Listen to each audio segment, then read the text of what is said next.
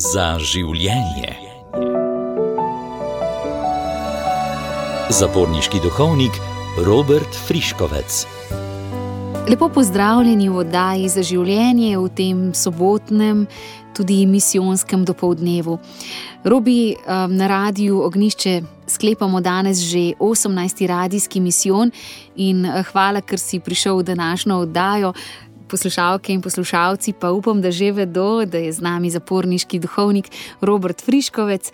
In uh, tokrat bova govorila kar pod naslovom, ko se temelji reda podirajo, to je tudi vodilna misel misijona. Uh, kako pa v tebi odzvanja ta naslov in letošnja vsebina radijskega misijona? Najprej en lepo zdrav tudi z moje strani vsem poslušalkam in poslušalcem. Mateja, pravzaprav me veseli, da je lahko najem pogovor o tem zadnjem dnevu radijskega misijona na Radio Ognišče. Ne bo to hkrati še eno vabilo vsem poslušalkam in poslušalcem, da izkoristijo to današnjo priložnost za duhovno poglobitev pred cvetno nedeljo. To bo hkrati priprava na vstop v veliki teden in na največji krščanski praznik. Naslov radijskega misijona nosi s sabo dejansko težo, lahko bi rekla, da je radikalen, da gre do korenin, mene osebno sprašuje, kako živeti vero, ker se mi zdi, da se vse okrog mene podira, ali pa če rečem še huje, če imam občutek, da se temelji mojega življenja podirajo.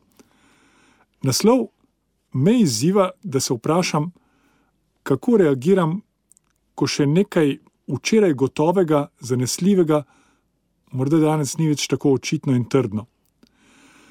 Nagovori in druge vsebine, vezane na program radijskega misijona, so mi dale misliti, bile so mi pa tudi v spodbudo, da poglobim vero in ji res dam trdne temelje. Vsebina in pravi temelj pa se bodo pred nami odvili v liturgičnem obhajanju velikega tedna in na veliko noč, ko ljubezen premaga trpljenje in smrt. Mogoče predlagam, da tudi najem pogovor začnemo z molitvijo eh, za nadaljne sadove tako radijskega misijona, tudi najnega pogovora, da bodo prizadevanja vseh vključenih zaživela v naših spreobrnenih življenjih. Dobri pastir, ti vodiš svoje ljudstvo kot čredo, v najsvetejšem predstavljuješ, razodeni svoje veličastvo, zbudi svojo moč pred nami in pridi, da nas rešiš. Pridi k nam, Gospod, Bog vsemogočni, pokaži nam svojo ljubezen in bomo rešeni. Pri svojem vsakdanjem delu, robi se srečuješ z osebami, ki jim življenje tako rekoč spodmakne tla pod nogami, kaznivo dejanje močno zaznamuje življenje žrtve, ji škoduje, po drugi strani pa tudi storilcem kaznivih dejanj kazen zapora predstavlja veliko življenjsko preizkušnjo. Kako se ti ljudje soočajo s temi življenjskimi preizkušnjami?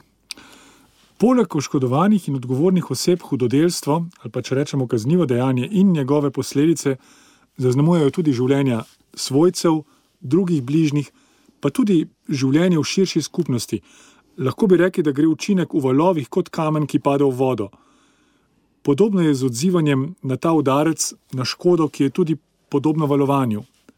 Vsak izmed nas nasplošno drugače reagira na življenjske preizkušnje, ampak običajno gre pri tem za neko obliko žalovanja za izgubljenim, podkrepljeno z močnimi čustvi. Pri kaznivem dejanju pa ne gre samo za konkretno dejanje, ki je prekrš, prekršilo črko zakona, gre za škodo na različnih področjih. Oškodovane osebe pogosto poročajo, da so ranjene na različnih nivojih, lahko tako rečemo. Če nekdo, na primer, doživi krajo, ne gre samo za izgubo neke določene materialne dobrine, ampak tudi za izgubo vsega, kar je simbolno vezano na njo. Ne vem, poročni prstan, uh, verižica od babice. Um, Mar si kdo doživi tudi drugo obliko izgube, naprimer izgubo zaupanja v ljudi, varnosti, gotovosti, pa napad na osebno dostojanstvo, na nek način vdor v zasebnost, v ta ustaljen red stvari. Ob teh reakcijah se mešajo različni občutki in čustva, od jeze, besa, sovraštva, pa tudi občutkov krivde, sramu in ponižanja. Kdaj nas lahko to vse skupaj preseneti? Preseneti nas lahko intenzivnost občuti, ampak vsa ta občutja so v funkciji zaščite nas samih. Sporočajo nam, da je bilo nekaj storjeno na robe. Lahko bi rekli, da hudodelstvo napade nekaj, kar nam je sveto. Zato gre skoraj za instinktivno reakcijo zaščite. Na nek način smo takrat podobni želvam, se upravičujem za to primerjavo, ki stisnejo glave v oklep ob vsakem najmanjšem znamenju nevarnosti.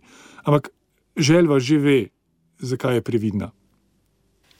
Pomembno se je zavedati, da smo ljudje po takih dogodkih, ki so ranili naše dostojanstvo, potem še bolj ranljivi, občutljivi. Kljub temu pa je to že del okrevanja. Lahko iščemo razloge za takšne dogodke tudi pri samem sebi, v lastnih odločitvah, morda napakah. Tudi obtoževanje samega sebe je v funkciji, da bi si lahko sestavili smiselno zgodbo ali pa sestavili puzzle v celoti, če tako rečem. Zato je tudi pomembno, da se jasno loči, kdo je odgovoren za nastalo škodo, se pravi, kdo je odgovorna oseba, in da oškodovana oseba ne more oduzeti te vloge od odgovorne osebe. Um, mislim, da smo že kar nekaj najnih pogovorov govorili tudi o obnovljalni pravičnosti, oziroma angliški izraz je restorative justice, ki predstavlja korektiv temu našemu kazenskemu sistemu, je v spredju prav škoda, ki je s kaznivim dejanjem nastala, pri čemer se odgovorne osebe spodbuja, da škodo popravijo, kolikor je le mogoče, ali jo vsaj ne povzročajo več. V obnovljalne procese se vključuje tudi skupnost, podporne člane, oškodovane in odgovorne osebe, ki podpirajo glavne igralce ob posledicah hudodelstva, da se oškodovana oseba opomore, odgovorna oseba pa s prevzemom odgovornosti tudi rehabilitira pri teh postopkih, vsaj po mojem mnenju, ni v spredju kaznovanje, zaporna kazen, ampak predvsem prizadevanje za popravo škode in spremembo življenja, da se zmanjša tveganje za ponovno kaznivo dejanje. Eden izmed idejnih očetov obnovljalne pravičnosti je ta drugačen pogled primerjal z menjavo leč, od usmerjenosti k kaznovanju zaradi kaznovanja samega, k popravi škode in boljšemu življenju za vse. Pri tem pa se mi zdi pomembno, da ne spustimo izpred oči dejstva, da so v spredju našega nagovora potrebe, ki jih je prvenstveno doživela oškodovana oseba, to se pravi žrtev, ki potrebuje našo podporo pri svojem ukrevanju oziroma nadaljnih korakih. Žrtve oziroma oškodovane osebe pa imajo pogosto izkušnjo, da so bile samo na nepravem mestu, ob nepravem času, doletelo jih je nekaj slabega, eh, česar si niso zaslužile.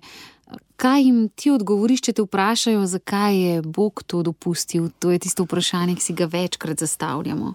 Ja, težko vprašanje. Eh, številne oškodovane osebe si po hudodelstvu postavljajo vprašanje, zakaj ravno jaz. To je tisto, kje si mene najdu. Mm. To je res tisto ključno vprašanje, ki dejansko sprašuje po trdnem temelju, ki se je zrušilo. Sami sebi ne moremo zagotoviti trdnega temelja varnosti ali pa celo večnega življenja. Ne moremo vplivati na to, da v življenju ne bi trpeli, predtem ne moremo zaščititi ne sebe, ne naših najbližjih. In to spoznanje postane običajno še posebej boleče, ko nam nekdo stori nekaj hudega, ko smo recimo žrtev hudodelstva, žrtev kaznivega dejanja, pravijo, da je za človeka bolj boleče, manj smiselno, če doživi škodo strani sočloveka, kot če doživi škodo v naravni nesreči. Saj nam je lahko človek zavestno zadaje neko bolečino. Ko govorim z oškodovanimi osebami, se pravi žrtvami, ki trpijo ob takšnih vprašanjih, sem iskren in povem, da nimam odgovora na njihovo bolečino, da pa si želim biti ob njih in biti blizu in odgovore iskati v, tudi v izkustvu vere. Med letošnjim radijskim misijonom smo lahko prisluhnili tudi razmišljanjem o Jobovi knjigi, kjer je glavno vprašanje huda človekova življenjska preizkušnja, izkušnja nekakšnega osebnega konca sveta. Ob Jobu, ki trpi zaradi izgube v tej svetopisanski knjigi, nastopajo tudi prijatelji, ki imajo veliko povedati glede razlogov za Jobovo trpljenje, vendar v resnici, če smo iskreni, ne poznajo odgovorov. Prav tako pa Jobu njihovo modrovanje ne predstavlja nikakršnega olajšanja. Še huje, prijatelji Joba obtožujejo, želijo izsiliti razlog za njegovo trpljenje, češ je že kaj takšnega storil, da ga je Bog tako kaznoval. Na ta način si morda želijo tudi sami razložiti trpljenje v svetu. Jobovi prijatelji obmoknejo šele, ko zares vidijo, kako velika je Jobova bolečina. Sedem dni tako molčijo ob njem in čakajo, da Job sam spregovori. Job pa protestira pred Bogom zaradi velikega zla, ki se mu je zgodilo, dokler Bog ne, razodane, ne razodene svoje slave ter poda tudi priznanje Jobu za njegovo držo, kljub njegovim protestom. Molitev v času trpljenja je lahko oblika protesta, ki pa ni nujno nekaj slabega, se je hkrati ohranjanje odnosa, kot bi Boga cukali za rokav ali pa kot bi pričakovali njegov odziv, tista naša ustrajnost. Protest predpostavlja nekoga, ki nas sliši, ki nas lahko tudi usliši. Protest pravzaprav ohranja odnos živ, čeprav napet. Protestiramo, ko občutimo krivico, ko vemo, da je lahko tudi drugače, da je mogoče drugačno življenje.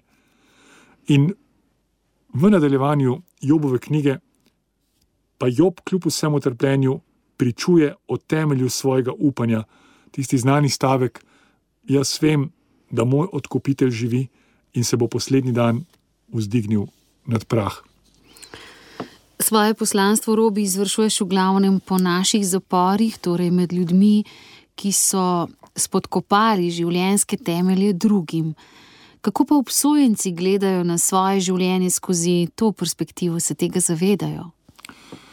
Um, ja, papež Frančišek je večkrat obiskal različne zapore po svetu. Um, med enim izmed obiskov in nagovorov v zaporu je izrekel tudi zanimivo vprašanje.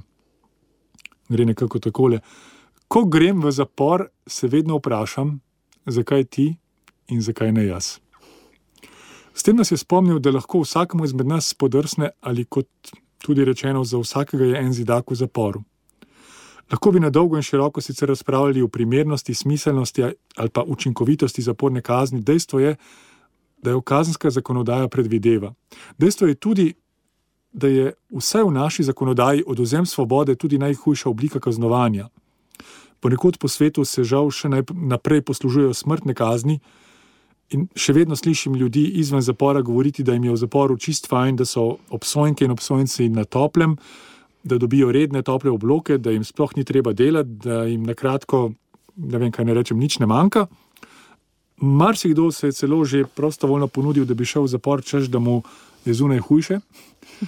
Težko primerjamo naše življenjske razmere, ampak oduzem svobode je dejansko hud poseg v človekovo dostojanstvo, svoboščine, človeka prizadene na najglobji ravni. Odziv na zaporno kazen gre lahko pri obsojencu tudi tako daleč, da se sam počuti žrtev celotnega sistema.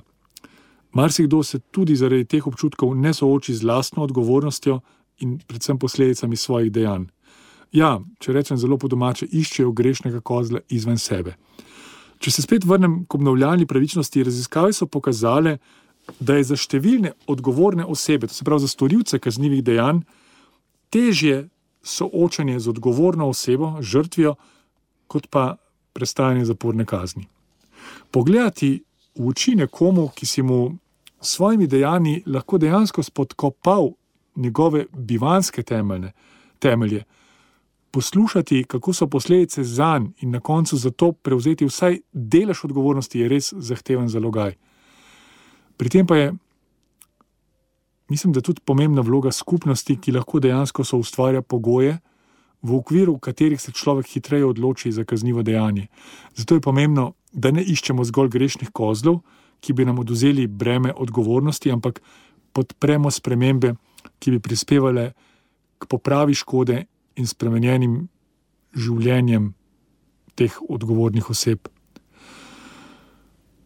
Matej, jaz mislim, da bi marsikdo od najnih poslušal, poslušalcev rekel v tem trenutku, da ta robi pa malce fantazira danes.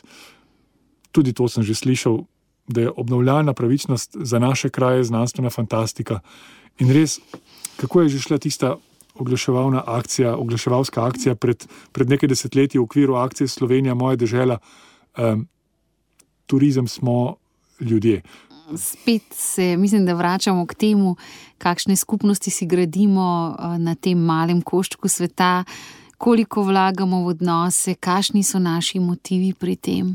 Ja, smo res sestre in bratje, se obnašamo kot Jezusovi učenci, a velja za nas tista druga krilatica, človek človeku volk. Mislim, ali eno ali drugo. Če si že na, ne, ne nagajamo aktivno, pa pogledamo stran, zvalimo krivdo na drugega, rečemo, kaj pa jaz morem, sej tak sem.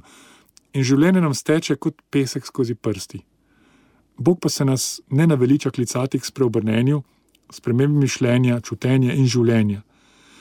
Nekdo je enkrat provokativno rekel, da je bilo že dovolj potic za veliko noč, da pa se še nismo spremenili do te mere, da bi videli stiske sočloveka in se odzivali na nje. Letos nam je spet dano, da se nas vsebina velike noči dotakne na način, ki bo res spremenila naše življenje, da bomo življenje gradili na trdnih temeljih, temeljih, ki jih ja, ta svet ne more porušiti, ker niso od tega sveta. Spreobrnjeni ljudje pa lahko spreminjajo tudi naše odnose in posledično institucije ter druge ustanove. Lahko bi rekla, Robi, da si nam vrnil žogico, ker se pogosto ujamemo v pasti razmišljanja, mi in oni, mi, katoličani, ki se trudimo za dobro, ohranjamo vero, spoštujemo zapovedi in potem na drugi strani drugi, na kratko slabi. Um, morda hočeš reči, da nobeden od nas ni nedolžen, da bi težko prvi vrgli kamen, da pravzaprav, če smo. Če vemo, o čem je nauk in kaj nam je govoril Jezus, ga nihče nima pravice niti morda ni več, morda ni več popularno ali celo znanstveno govoriti o svobodni volji in s tem povezano osebno odgovornostjo. Toliko dejavnikov namreč vpliva na naše odločitve, življenjske korake, ampak verjamem, da nam svobodna volja daje tudi dostojanstvo. Če se vsaj prizadevamo za zavestne odločitve, čisto vsakdani, naprimer, ali se bom prenajedel, ali bom preklinjal ali ne, ali bom upravljal ali ne, ali bom popovdne preležal ali pa bom delal nekaj koristnega, potem se lahko tudi moje samospoštovanje krepi. Tudi z našo samodisciplino lahko spoznamo, da naše življenje ni namenjeno samo preživetju, ampak da smo ustvarjeni za nekaj več zmoremo lahko veliko več, če se odpremo za to, kar nas presega. To je za mnoge tudi izkustvo posta, ko se odpovemo našim razvadam in izkusimo, kako smo lahko navezani na takšne ali pa drugačne užitke, takšne ali drugačne obrambne mehanizme. Ta navezanost gre lahko tako daleč, da se neopazno razvije celo odvisnost. Kam pa lahko odvisnost ali hlepenje po neki navidezni varnosti vodi, mogoče lahko ilustrirava z eno zgodbo. Šest popotnikov se je neke ledene noči po naključju znašlo na samotnem otoku. Vsak je imel s seboj samo eno poleno, in na samotnem otoku sredi Severnega morja pa tudi ni bilo kakšnega drevesa. Mraz je pritiskal in postajalo je vedno bolj neuzdržno. Vsi so se stiskali okoli majhnega ognja, ogenj je ugašal in zmanjkovalo je lesa. Kdo vse se je stiskal okrog ognja? Pa poglejmo. Lepo urejena gospa je v siju ognja zagledala temnopoltega priseljenca in še bolj lovila prste okrog svojega polena, saj ga ni hotela deliti z nekom, ki se je ilegalno priklatil v njeno deželo. Poleg gospe je sedel moški srednjih let, ki je bil ob, ki je ob ognju opazil nekoga iz druge politične stranke. Nikoli se ne bi zapravil svojega polena, da bi se z njim grel njegov zagrizen politični nasprotnik. Tam je bil tudi slabo oblečen revež, ki je svoj kos lesa skril pod ponošeno suknjo, zraven je namreč sedel elegantno oblečen mož. Naj da svoje poleno, da se bo z njim grel ta bogataš, ki ima tako ali tako vsega preveč in ni nikoli skrbel za drugega kot zase. Ja, na drugi strani bogataš je razmišljal o svojem bogatstvu, o dveh vilah, štirih avtomobilih in stanju na bančnem računu. Baterija njegovega mobilnega telefona pa je bila čisto prazna. Svoje poleno mora zavarovati pred temi lenuhi nesposobneži. Temen obraz je izžareval maščevalnost, dobro je vedel, da ga vsi belci zaničujejo. Svojega polena ne bo nikoli vrgal v ogen, končno je napočil trenutek njegovega maščevanja. Zadnji iz te pisane družbe je bil skop in nezaupljiv starec. Vse življenje se je ravnal po načelu: Daj samo tistemu, ki ti bo vrnil z obrestmi. Drago mi boste plačali, če boste hoteli dobiti tole poleno, si je mislil. In naslednje jutro so jih našli. Šest zmrznjenih trupel, vsak izmed njih v ledenem oklepu s svojim polenom. In potem se lahko spet vrnemo k razmišljanju, dualističnemu razmišljanju, mi in oni, hitro namreč prepoznamo napake in odvisnosti pri drugih, naj bo od drog ali pri mladih, od elektronskih naprav. Šele ko se od nečesa postimo, pa lahko vsak pri sebi spozna, kako nas lahko neka malenkost pravzaprav drži v šahu. Ja, mogoče najprej to. Mi veliko krat iščemo grešnega kozla iščemo v starših, starši so vsega krivi, iščemo v učiteljih, učitelji so vsega. Je, mislim, to, to je tisto, ampak prav odvisnost je tista oblika odnosa, ob kateri naše življenje gradimo na napačnih trhlih temeljih. Prevara nas naše lastno prepričanje, da smo od nečesa odvisni, da brez nečesa ne moremo živeti, da smo vredni le, če to imamo, če smo v stiku s tem. In bolj, ko gradimo na napačnem temelju, bolj visoko kot gremo, bolj majava je naša zgradba in vedno bolj neizbežen je trd pristanek na tleh.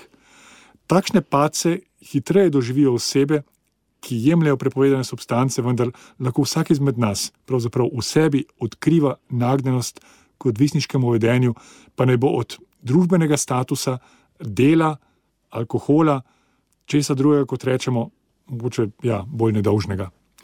Nevarno je, če mislimo, da smo sami izuzeti iz te človeške šibkosti in da zgolj s prstom kažemo na tiste, ki so očitno od česa odvisni. Takrat smo podobni tistemu, ki bruna v svojem očesu ne opazi ali pa ki gradi hišo na pesku. Ampak značilnost odvisnosti je prav v tem, da postane organsko del nas, sploh ko se okrepijo možganske povezave.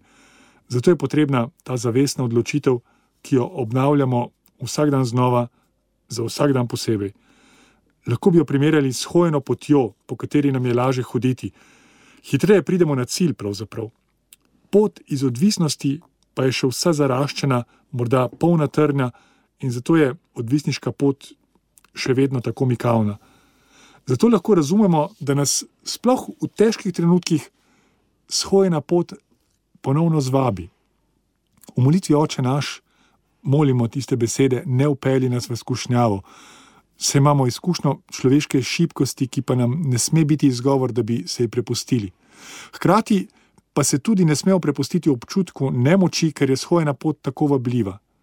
Vsakeč znova se moramo odločati, da dodatno shodimo novo pot, tudi če smo na naših križiščih že toliko krat zgrešili smer. Z vsakim korakom Mateja v pravo smer je pot bolj shojena in naš korak lažji, sploh ko na poti kličemo Božjo pomoč. Z nami je v oddaji danes eh, Robi Friškovec. Seveda smo v zadnjem dnevu radijskega misijona usmerjeni tudi k našemu geslu. In Robi, kaj je v zadju tega rušenja temeljev pri vsakem izmed nas? Je to izvirni greh, nagnjenost k slabemu? Različne duhovne tradicije prepoznavajo človeško šibkost in so odgovornost za razširjanje slabega ali pa zla na svetu. Temu rečemo tudi padla človeška narava, zaradi katere se človek ne more odrešiti sam. Ne zmoremo sami sebe potegniti iz živega blata, če pa stegnemo roko, jo bo prijela božja odrešilna roka. Danes večino časa govoriva o porušenih temeljih, o tem, kako k temu prispeva vsak izmed nas, ampak ključno je, da človek temelja sploh ne more dokončno porušiti, ker ni Bog, ki ohranja temelj. Bog pa je ljubezen, usmiljenje, ki prihaja naproti človeški naravi. To je tudi sporočilo velike noči, ki je pred nami. Bog nam je postavil enako vsem, razen v grehu, občutil je trpljenje in smrt. Z ustajanjem od mrtvih je premagana tudi smrt, ki jo sicer lahko srečujemo na vsakem koraku. Greh in smrt sta naša realnost, ampak nimata zadnje besede, se pravi, ne moremo porušiti temelja do konca. Ne samo v razmišljanjih med radijskim misijonom, tudi med radijskimi novicami lahko slišimo, kako se greh pravzaprav materializira v svetu. v petih minutah ali pa še prej slišimo, kako življenje ljudi zaznamuje človeška grešnost v vojni, ki je tako blizu nas, laži, spolni slip, ohlepu. Po petih minutah. Uh katerih koli radijskih poročil. Ja, imamo dovolj gradiva za dnevno molitev. uh, ja, mi se običajno jezimo, uh, oziroma komentiramo, uh, reagiramo. Ampak ja, dejansko imamo dovolj materijala za dnevno molitev. Opazujemo lahko, kako smo ljudje zmožni, da nas greh zapelje, kakor jutranjo meglico. Ko so opisovali začetek Prve svetovne vojne, so nekateri uporabili izraz, da so vojaki korakali vanjo, kot da bi jih nosila luna tako močno, oziroma tako šibko je bilo razmišljanje in čutenje. Ne samo prva svetovna vojna, vse pretekle in aktualne vojne nam govorijo o človeški naravi, ki je sposobna hudodelstev, ki jih človek izvaja, kot bi bil hipnotiziran. Posebej, če se ta dogajajo množično ali če so naročene od zgoraj, si jih je še toliko lažje opravičiti. Človek ima tudi to značilnost, da selektivno vidi in sliši. Vidi in sliši tisto, kar mu je pomembno, in če zakrkne svoje sočutje trpljenja sočloveka in uničevanja narave, ne bo videl in slišal, ne bo jih pravzaprav zares registriral. Ni treba, da smo v uničevanju stvarstva in dobrega neposredno vključeni. Grešna je že naša apatija, brezčutnost, ki je sicer lahko v vlogi zaščite samega sebe, ampak na dolgi rok uničuje našo moralno podstat. Papež Frančišek to poimenuje globalizacija brezbrižnosti, posebej s pričo vojn in drugega trpljenja v svetu. Ko obeležujemo različne spominske dneve na pretekle grozote, se lahko vprašamo, ali smo danes drugačni, naprimer od Nemcev, ki so živeli v bližini taborišč smrti, pri čemer naj ti ne bi vedeli, kaj se pravzaprav v njih dogaja. Omenil si že tok, ki nas krneze proti slabemu, močanje, eh, tok, ki pustoši okrog sebe kot hudournik. Kako pa je mogoče izstopiti iz tega toka, kako se mu upreti, kako se mu ne prepuščati, kako plavati proti toku? Ja, vprašanje je kar veliko, ki se začne vse kako. Ampak mislim, da je delni odgovor že v tvojem vprašanju, Mateja, da se mu namreč ne prepustimo. Trpljenje bo na svetu obstajalo. Jezus pravi: Oboge boste imeli vedno med seboj. Seveda, niti sebe ne moremo odrešiti, to je vloga Boga, mi pa smo lahko njegovi sodelavci. Toka vsega slabega na svetu sam ne moremo ustaviti, lahko pa vsak izmed nas v sebi gradi majhen jez, in ko se nas ob tem poveže več, lahko to postane večji jez. Že prej sem omenil, pred tvojim zadnjim vprašanjem, Nemčijo med drugo svetovno vojno, ki je prikazana tudi na slavni fotografiji Hitlerjevega mimohoda, ki ga ogromna množica pozdravlja z znano gesto. V morju ljudi pa je zgolj en človek, ki ni dvignil roke. Kje bi bil jaz na tej fotografiji? Se lahko vpraša vsak izmed nas. Vsak dan znova imamo priložnost, da se ne prepustimo hudournikom slabega, marveč vsak dan znova zavestno vstopamo v dan, v odnose, da prosimo Boga za zaščito pred hudim in kjer je le mogoče, da delamo dobro. Pri našem ravnanju pa nas v veliki meri vodijo potrebe, eh, ki jih je mogoče potem uresničevati na različne načine in tudi skozi različne strategije. Res je. Ja. Za uresničevanje lastnih potreb lahko delujemo tako, da svet okrog sebe uporabljamo na spoštljiv način, ali pa da stvarstvo zlorabljamo, torej uporabljamo na napačne načine, na način, ki širi zlo. Takrat se naše potrebe prelevijo v zahteve, ki kričijo po naših potrebah, se pravi po naši pomembnosti in več vrednosti. Svet pa ni zato tukaj, da bi nam služil. Zato je pomembno, da se znamo umestiti v svet, odkriti svojo vlogo, svoj doprinos k dobremu. Robert Baden-Powell, ustanovitelj skavtov, nam je položil na srce, da poskušamo zapustiti svet za spoznanje boljši, kot smo ga prejeli. Razni kompleksi več vrednosti, češčenja vrednot, narcizma in psihopatske miselnosti v družbi pa pravzaprav rušijo enakovrednost, rušijo meje in harmoničnost družbe, kar lahko končno vodi tudi v nasilje in vojno uničenje. Vsakega izmed nas lahko sprašuje vest, kakšne kompromise sem pripravljen sklepati pri tem, ko uresničujem svoje potrebe. Jih uresničujem na račun drugih, sem raje tiho, kot da bi opozoril na korupcijo, me skrbi, kako bo z mojo kariero, če povzdignem glas proti nezakonitim praksam, ki sem jim recimo priča. Kje drugje so ljudje postavljeni tudi pred dilemo ali tvegati zapor, celo smrt, če bodo opozorili na zlo, ki ga delajo nadrejeni. So države, kjer si kaznovan zaradi tega, ker nekaj poimenuješ s pravo besedo. Premalo krat se zavedamo, da se sami z vlastnimi rokami, rokami, nogami, telesi vključujemo bodi v tok, ki širi dobro, ali pa v tok, ki širi slabo. Spravi vsaka naša odločitev, pa tudi pomankanje odločitve, gradi jutrišnji svet. Nemški pastor eh, Martin Nimoler eh, je to opisal v znanih besedah. Ko so nacisti prišli po komuniste, sem ostal tiho. Nisem bil komunist. Ko so zaprli socialne demokrate, sem ostal tiho. Nisem bil socialni demokrat. Ko so prišli po sindikaliste, nisem spregovoril. Nisem bil član sindikalistov. Ko so prišli po jude, sem ostal tiho. Nisem bil jud. Ko so prišli po mene, ni bilo nikogar več, ki bi spregovoril.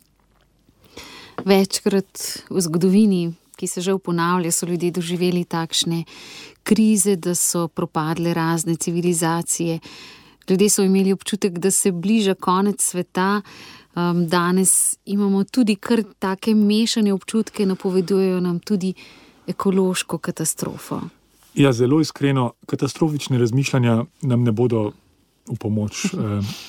Krščanski pogled na svet nam pomaga, da se zavedamo, da smo na tem svetu uh, samo najemniki, da konec tega sveta še ne predstavlja pravega konca. Praktično zadnji stavek zadnje knjige svetega pisma, se pravi knjige razodetja, je Maranata, pridi Gospod Jezus. Kristus nam je tudi obljubil svojo prisotnost do konca sveta, še več napovedal je, da bo svet prešel, nobena njegova beseda pa ne bo prešla. Ob poslednji sodbi bodo ovrednotena naša dejanja, zato je pomembno, da se spreobračamo vsak dan znova, dokler ne nastopi Božje kraljestvo. Čeprav kristijani verujemo, da materialni svet ni vsa in dokončna resničnost, ga dojemamo kot dar, ki nam je dan v upravljanje. Nevarno je lahko apokaliptično razmišljanje, da je potrebno civilizacijske temelje na silo podreti in zgraditi nove. Nasilni prevrati so v zgodovini rodili še več nasilja. Nevarno je lahko tudi razmišljanje, da bomo ljudje zmogli na svetu zgraditi raj na zemlji, čeprav se, ja, konec koncev, lahko trudimo za njim. Sami po sebi smo ljudje nepopolni in ne moremo iz svojih moči doseči popolnosti. Kvečemu lahko avtori takšnih projektov poiščejo grešne kozle, ki jih potem žrtvujemo na oltarju svojih idej. Pomislimo samo na številne žrtve različnih oblastnikov in ideologij v zgodovini. Poznamo reklo: Če je božje, bo obstalo, kar pa je človeškega bo prešlo. Kljub vsemu trudu velikašov tega sveta, da bi dosegli neko obliko nesmrtnosti. Pomemben je naš trud za dobro, da se zavedamo, da v našem trudu za dobro nismo sami, ampak imamo spremstvo in podporo Boga. Naša življenja so odgovor na njegovo besedo, ki nas vabi, da naredimo, kar je v naši moči in nič več. Naša življenja se ob tem preobrazijo, čeprav sadovi sprva sploh niso tako očitni. Mogoče ja, lahko več o tem dodava še z eno zgodbico, ko mislim, tudi že končujemo lahko tale najmen pogovor. Nek moški je spal v svoji koči, ko se nenadoma njegova spalnica napolni z močno svetlobo in se mu prikaže sam Bog.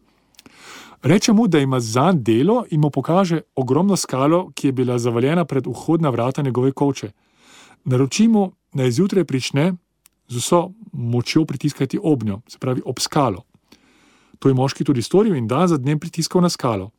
Tako je garal leta in leta, od sončnega vzhoda do zahoda, z ramami na vso moč pritiskal ob hladno, mogočno površino nepremične skale. Vsako noč se je ta moški vrnil v svojo sobo odrgnen in izmučen, misleč, da je pravzaprav celoten dan vrgel stran. Človeku se je zdelo, da je njegova naloga res neizvedljiva in da je prava zguba. Mislil si je, zakaj se pravzaprav ubijam s tem nekoristnim opravilom. Namenil mu bom le malo časa in le minimalen napor, kar bo, po mojem, povsem zadostovalo. Tako je nadaljeval nekaj dni, dokler se ni odločil, da se končno pritoži Bogu. Gospod Bog je dejal: Dolgo sem trdno delal, kar si mi naročil in vložil vso svojo moč, pa vendar mi v tem času ni uspelo premakniti skale niti za milimeter. A mi lahko prosim razložiš, kaj se tukaj dogaja, zakaj ni nobenega napredka?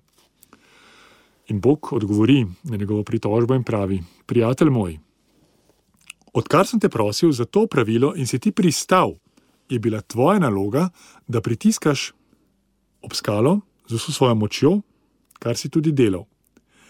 Niti z besedico ti nisem omenil, da pričakujem od tebe, da boš skalo premaknil. Tvoja naloga je bila, da pritiskaš. In sedaj se obračaš name, ko si porabil vso svojo moč in se ti zdi, da je vse skupaj brez smisla. Ampak ali je res tako? Poglej se. Tvoje roke so močne in mišičaste, tvoj hrbet izklesan in zagorel, tvoje dlani utrjene od stalnega pritiska, ter noge masivne in trdne. Zaradi upiranja si oblikoval svoje sposobnosti in se razvil bolj kot kadarkoli, vendar še vedno nisi premaknil skale. Ampak to ni bilo tvoje poslanstvo. Vse smo se dogovorili drugače in ti si upošteval svoj del dogovora. In sedaj bom jaz premaknil skalo. Odlična zgodba, Robiče, torej narediva piko najnemu razmišljanju v tem zadnjem dnevu letošnjega radijskega misijona pod naslovom, ko se temelji reda podirajo, kako lahko vsak izmed nas največ prispeva graditvi pravih odnosov med ljudmi in z Bogom, da bomo ohranili vero in obrodili sad. Jaz mislim, da so misionarji v tem tednu dali kar nekaj spodbud in da so ljudje tudi eh, dobili kar nekaj spodbud. Ampak zelo preprosto, pred nami je veliki teden in če se uživimo v vlogo Jezusovih učencev, ki so doživeli Jezusovo trpljenje in smrt na križu, lahko začutimo, da se jim je v tistem trenutku spodmaknil temelj pod nogami. Verjeli so, da je Jezus Mesija, ki jih bo odrešil življenjskih spon. Kdo izmed njih je morda pričakoval tudi politično odrešenje od rimske okupacije? Jezus pa je trpel in bil križan, kot so bili takrat kaznovani največji kriminalci. Jezusovi učenci so se tedaj bali za svoje življenja, podkrili so se, živeli v smrtnem strahu. Za njih je bil to tako rekoč konec sveta. Gotovo je bil konec nekih predstav o odrešeniku, o Bogu, konec neke določene ideologije. Učenci, tako kot mogoče tudi mi še danes, so bili ujetniki predstav o svetu, ki pa se ne skladajo vedno ali večinoma z božjo mislijo, božjih načrtov. Jezusova smrt pa ni bila zadnja beseda. Zadnjo besedo ima njegovo ustajenje in življenje, prihod svetega duha, ki razsvetljuje naše misli in življenje njegovih skupnosti, ki prinašajo oznanilo v svet. Kristusovo življenje, smrt in ustajenje so temelj naše vere. Temelj naše vere. Naša vera ni utemeljena na uspehu in priznanju, ne ravna se po merilih tega sveta. Jezus nam je razodel svojo zapoved ljubezni. Napovedal je tudi preganjanja in razočaranja. Zato je pomembno, da se vedno znova vračamo k izviru naše vere ki jo bomo obhajali v prihodnjih dneh. Poslušalkam in poslušalcem, tebi, Mateja, ali pa če rečem vsem nam, želim, da bi se pri tem izviru napili žive vode, ki bi nam dajala moč za pot vere, ki ni utemeljena na človeku, ampak v odnosu z živim in zvestim Bogom. Iskrena hvala, Robi. Vam, drage poslušalke, cenjeni poslušalci, hvala za pozornost in upam, da ste tudi v tej oddaji našli moč, vir in izvir za prihodnje korake na čeprav porušenih temeljih. A kot si rekel, Robi, temelj bo zavedno vstal, ker je v Bogu. Iskrena hvala in tudi tebi veliko blagoslova v prihajajočih dneh in ob samem prazniku velikonočnem. Hvala lepa, Mateja, in vse dobro. Z vami so bila zaporniški duhovnik Robert Friškovec, z njim sem se pogovarjala Mateja Feltrin Novljan. Naj bo dan še naprej lep in blagoslovljen. Srečno!